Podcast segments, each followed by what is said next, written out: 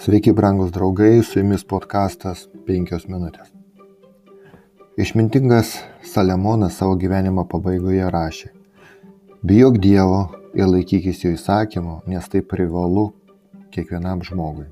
Jurieno vertimas mokytojo 12.13.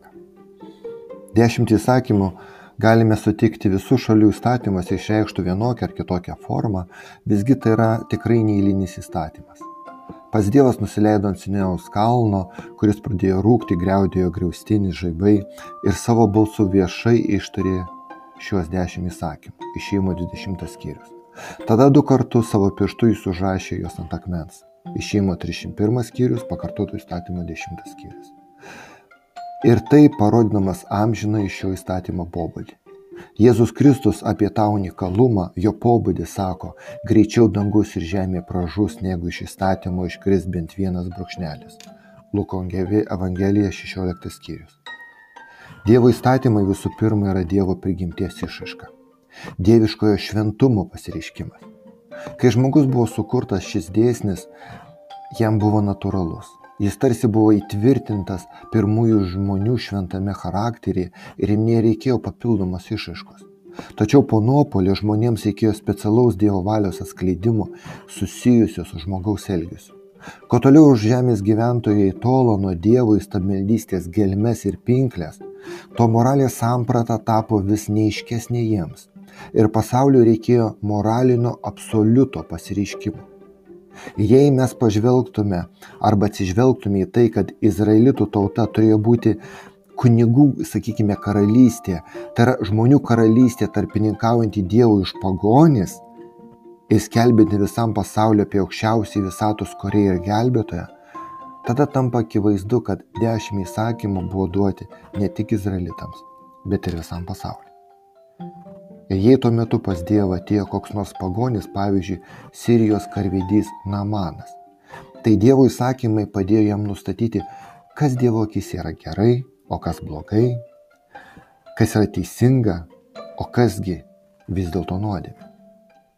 Nepaisant akivaizdaus įstatymų paprastumo, neįmanoma jų tinkamai įvykdyti atmetus Dievo pažinimą arba be Dievo pažinimo. Istorija meno tos laikus, kai žmonės davė įstatymui tokias savybės, kokių Dievas niekada jam net nesuteikė. Kai įstatymo vykdymas viena vertus tapo būdų užsitarnauti dieviškai palankumą, tai yra vadinama išgelbimo per darbus. Kita vertus, įstatymų vykdymas atsiribojo tik išoriniu įvykdymu, kai buvo laikomasi tik kabutės įstatymo raidės, bet žmogaus širdis nepriartėjo prie Dievo. Jam galima sakyti, Dievo net nereikėjo. Tokį įstatymą, įstatymų vykdymą fariziejuose priekaištavo Jėzus Kristus sakydamas, Vidmainiai, gerai apie jūs pranašavo Izaijas. Šitauta šlovina mane lūpomis, bet jo širdis toli nuo manęs. Veltui jie mane garbina, mokydami žmonių išgalvotų priesaikų. Apaštalas Paulius, bandydamas paaiškinti broliams ir seserims romėnams Dievo įstatymo tikslas sako, kad įstatymo darbais joks kūnas nebus nuteisinamas prieš jį, tai yra Dievą, nes per įstatymą tik pažįstame nuodėmę, romiečiams trečias skyrius. Kitoje vietoje jisai sako, kągi sakysime, gal kad įstatymas yra nuodėmė, nieku būdu. Bet aš nebūčiau pažinęs nuodėmės, jei nebūtų įstatymo. Ir nebūčiau suvokęs geismo, jei įstatymas nebūtų pasakęs negeisk. Mili draugai, asmeniui, kuris yra toli nuo Dievo, de, Dievo dešimt įsakymų gali būti pirmasis žingsnis pažįstant Dievą, atveriantis žmogaus akims tikrovę. Kodėlgi? Todėl, kad įstatymas savo vardu vadina nuodėmę. Tačiau tuo, tuo pat metu įstatymas yra šventas, teisingas ir geras. Tačiau dėl to, kad mums, žmonėms, yra kabutėse natūraliau, įprasčiau daryti nuodėmės, Dievo įsakymai nėra natūral, natūralūs mums.